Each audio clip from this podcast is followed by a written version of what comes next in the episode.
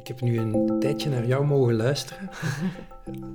Fantastisch is dat. En iets wat mij nu ook opvalt, is de journalist, die krijgen we toch nooit meer uit Lisbeth nee, ja, dat is... Ik denk dat ik de job heb gevonden toen die bij mij past. Want volgens mijn ouders was ik altijd al zo bevragend. dus die vinden dat het gewoon daaruit voortgevloeid is.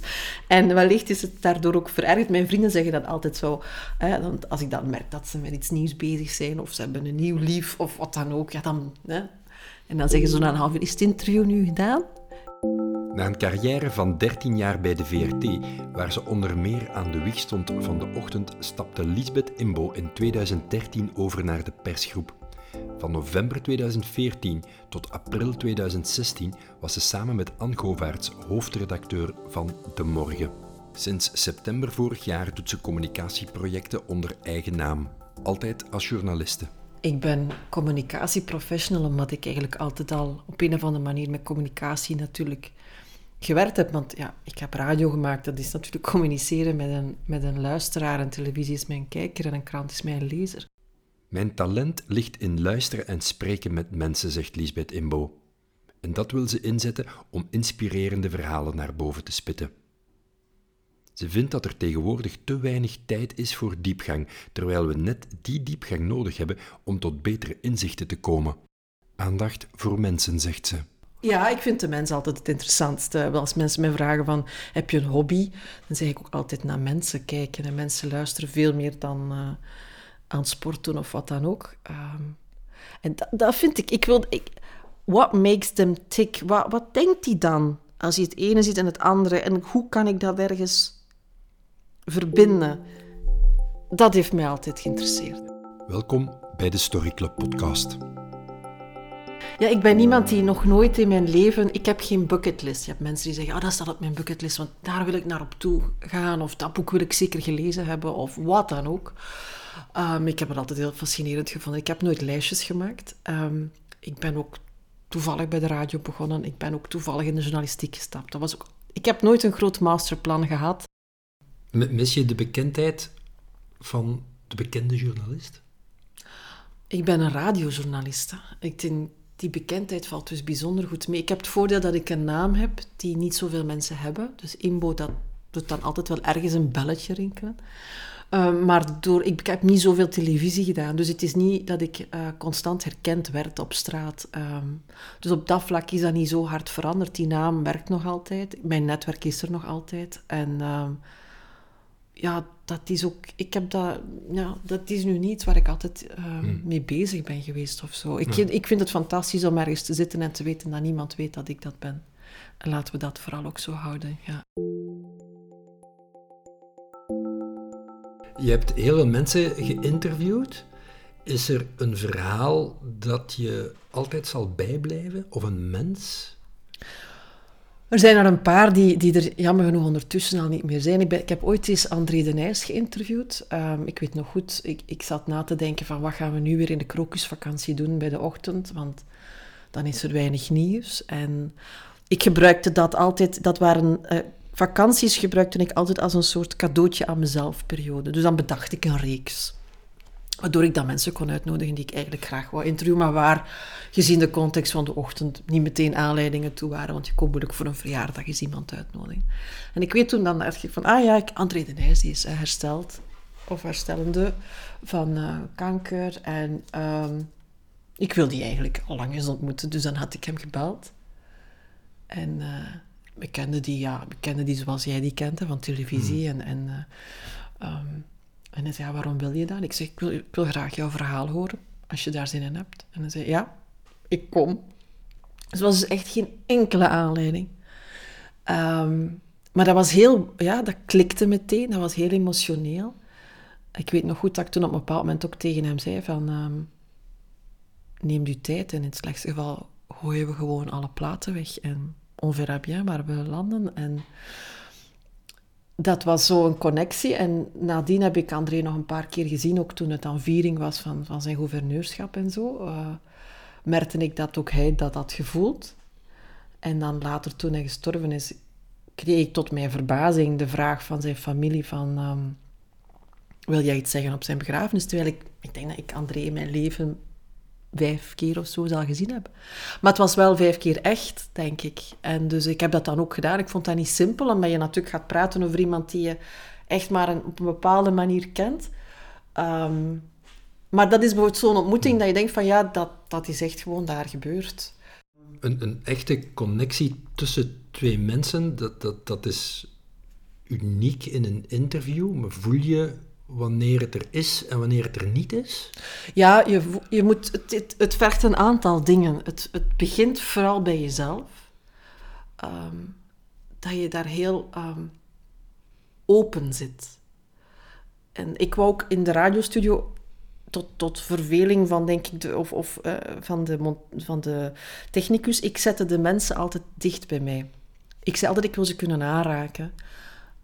Omdat ik wou dat ze alleen naar mij keken. Uh, wat er nu een technicus passeerde, of iemand een glas water kon brengen, of de journalist van het half uur niet al binnenkwam met zijn blad.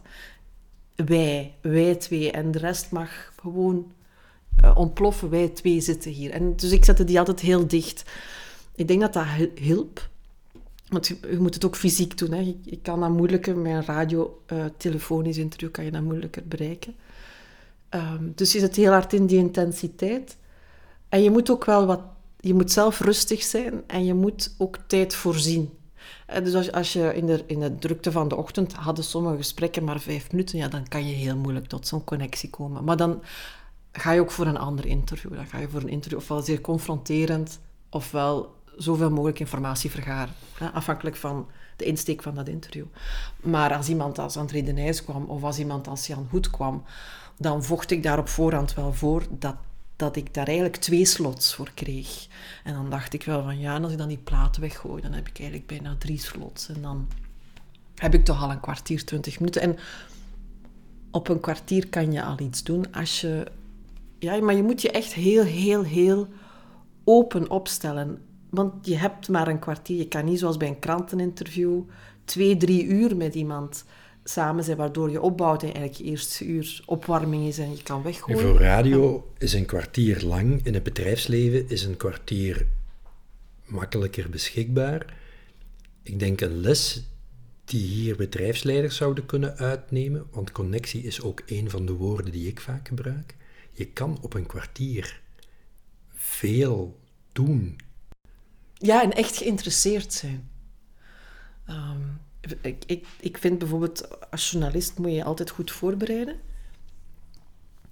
Maar eens het interview begint, dan kijk je eigenlijk niet meer naar je vragen. Die zitten in jouw hoofd. En op dat moment kan je beginnen luisteren. En te veel mensen zitten vast op hun vragen, waardoor je ja, merkt als luisteraar dat ze niet luisteren.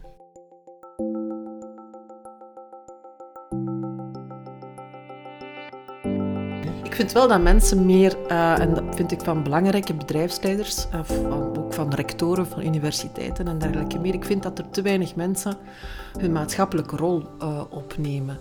Um, terwijl ze toch vaak belangrijke spelers zijn en actoren. Um, dus dat vind ik wel. Maar ik vind natuurlijk, een bedrijfsleider is, is, geen, is geen journalist en is geen politicus.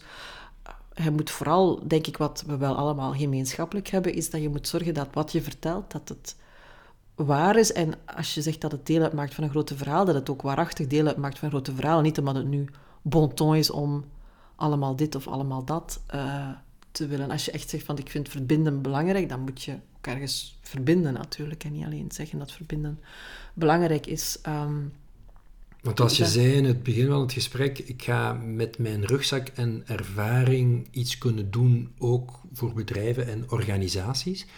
Hoe zie je dat dan precies? Ik denk dat er, wat ik merk, ik maak nu ook een reeks voor Canvas met, met ondernemers. En eigenlijk zijn daar heel veel goede verhalen. Hè?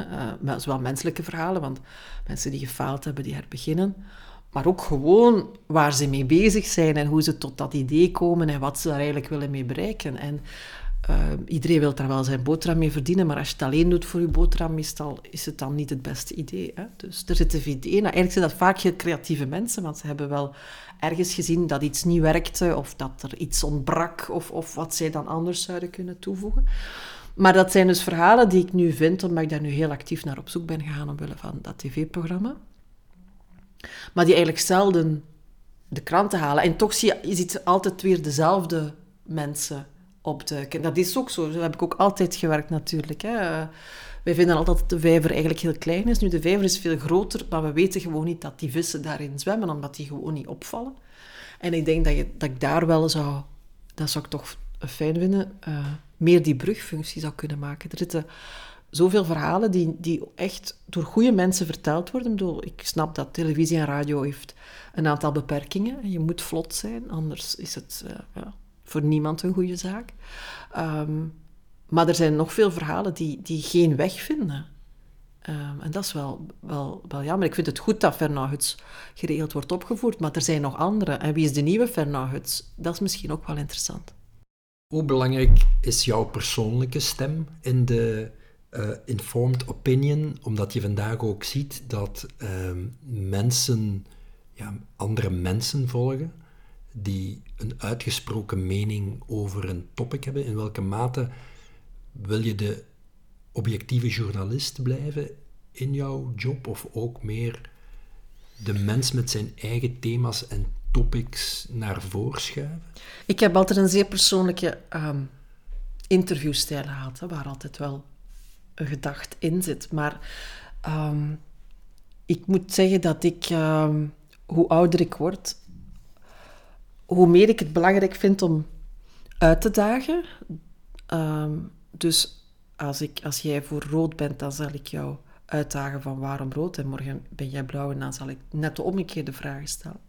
Veel mensen identificeren dat dan met je persoonlijkheid, maar vergeten dat je dan de dag erna de omgekeerde vraag stelt. Maar dat is dan iets dat in hun kraam past, dus dan opeens hebben ze dat niet opgepikt. Maar... Um, Toch zo de journalistieke inslag, hè? Ja, zo dat idee van ik ga nu mijn mening constant in 140 tekens zetten. Ik word daar eigenlijk moe van. Ik vind het ik heb, ik heb altijd geleerd, en, en hoe ouder ik word, hoe meer ik daarvan overtuigd ben, dat er in heel veel meningen, of heel veel uh, visies op een thema, altijd wel een grond zit. Wat is succes voor jou binnen vijf jaar? Goh, gelukkig zijn. Dat is het meest succesvolle dat een mens kan bereiken, denk ik. En als dat kan, natuurlijk het liefst op een manier dat ik niet uh, moet nadenken van hoe ga ik mijn huur betalen, of mijn, mijn hypotheek betalen, en uh, hoe ga ik uh, alle, alle, andere kosten betalen. Maar ik ken zo mensen die zo heel hard bezig zijn zo met um, hoeveel ze gaan vergaren. Ik denk dan, ja, ja, misschien ben ik daar te weinig mee bezig. Misschien heb ik het geluk gehad dat ik daar ook nog nooit echt moeten mee bezig zijn. Ik ben afgestudeerd en ik heb direct een job gevonden, dus ik heb ook nooit ik heb nooit moeten zoeken naar, naar, naar uh, inkomsten. en um, je ouders hebben je altijd gesteund, dus las ik, om iets ja. in de media te doen? Die Niet in de media, die altijd gesteund om, om, ik wou eerst recht te doen en zo, en daar, dat gingen ze ook uh, heel goed gevonden hebben.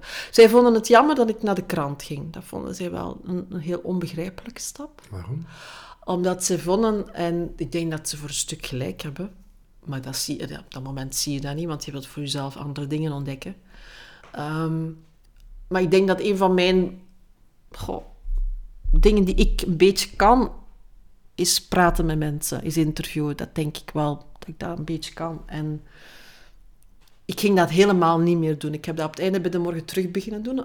Vooral onder impuls van Anne Govaerts, mijn collega, die zei van... Als jij zo eens een interview hebt gedaan, de boekenbeurs, dan loopt je hier een hele week te stralen. Jij wordt daar zo gelukkig van.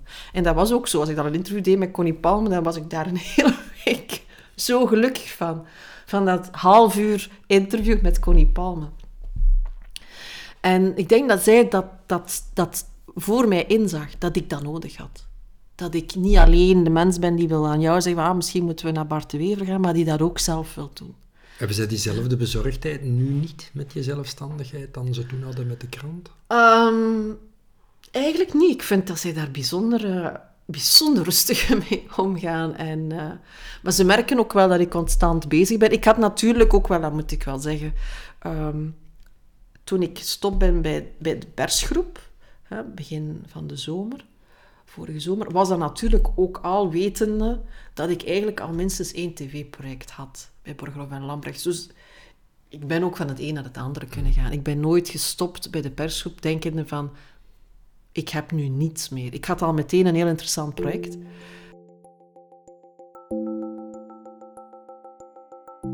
Bij politici vind ik wel het advies dat ze toch eens wat vaker moeten zwijgen. Ik heb altijd verbaasd geweest. Ik kon soms bellen uh, naar een politicus, omdat politicus Y dit had gezegd. En ik dacht, oh, nu wil ik wel weten wat Z daarvan denkt.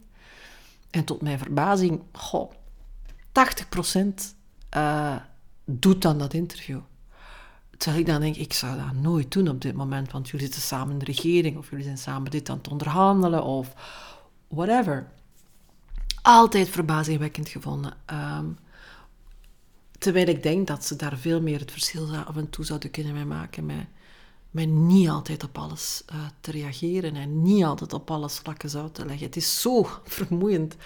En, en ik vind dan ook altijd heel die, uh, altijd die grote verontwaardiging hè, over uh, hoe de kiezer stemt. Hè. Ze hebben nu voor Trump gekozen en amai dit en amai dat.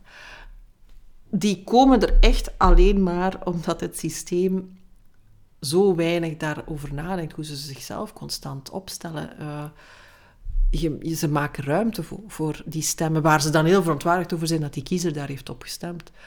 Um, en je mag daar verontwaardigd over zijn, maar je moet misschien zeker als je in zo'n rol zit, de kiezer heeft zeker niet altijd gelijk, maar je moet toch ook af en toe eens je ervan afvragen, zou ik daar toch ook ergens een rol hebben kunnen ingespeeld hebben? Want ik kan wel altijd heel verontwaardigd doen, maar als, ik toch, als het dan over mijzelf gaat en mijn eigen functie en mijn eigen inkomen en mijn eigen postje en mijn eigen omgeving, het omgekeerde doe, ja, mensen zien dat, mensen weten dat, mensen lezen dat.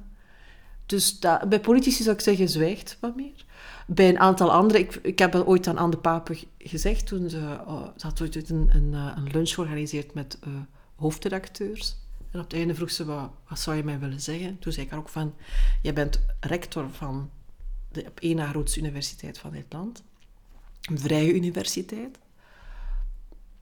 Ik heb u niet gehoord in de vluchtelingencrisis. Ik weet niet wat jullie denken ik vind dat je als rector een rol hebt. Ik vind, ik kan veel zeggen over rector, je kan daarvoor zijn of je kan daar tegen zijn. En te veel aandacht of te weinig aandacht, het, is, uh, het doet er niet toe. Hij durft zich wel te engageren in het maatschappelijk debat. En ik weet hoeveel dat dat vergt van een mens. Want de dag van vandaag, als je durft je nek uit te steken, je krijgt applaus, maar je voelt vooral natuurlijk de tegenkanting. Dat komt altijd veel harder binnen en ehm, de bagger die je over je heen krijgt. En er zijn zoveel kanalen tegenwoordig, dus het, uh, het kan echt wel 24-7. Um, il faut le faire. Is er één advies, of misschien een paar adviezen of tips die je zou zeggen, met de rugzak die ik heb, wil ik je toch graag dit meegeven? Um, zorg dat achter alles wat je doet jezelf ook staat. Um, want het is uw naam. En dat is zo, zo belangrijk. Um, stel nooit een vraag omdat iemand vindt dat je die vraag moet stellen, maar omdat je zelf vindt dat je ze moet stellen. Anders moet je ze niet stellen. Anders moet je van, stelt jij ze dan. Um, en dan moet je met alles proberen te doen, want je hebt maar, er is, er is maar één Lisbeth Imbo. En als dat helemaal beklad is, dan is dat zoveel moeilijker. En je het is heel flauw om dan te zeggen, ja, maar ja, ik heb dat gedaan, want die zei dat ik dat moest doen en die zei dat en die zei dat. En soms zit er druk op. Hè? Tuurlijk zit er soms druk op van uw, uw, uw bazen of van wie dan ook. Hè? Dus tuurlijk kom je in contact met druk. Um, maar toch moet je voor jezelf wel altijd heel goed weten van... Is mijn naam. En ik moet ook vinden dat het klopt. Want die naam is van u. U luisterde naar de Story Club podcast met Lisbeth Imbo.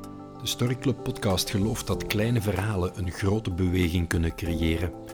Nog dit, hoe meer vriendjes, hoe meer vreugd. Steun de Story Club podcast, ga naar iTunes, laat daar je waardering achter, zo vinden meer mensen hun weg naar deze interviews. Erg geapprecieerd.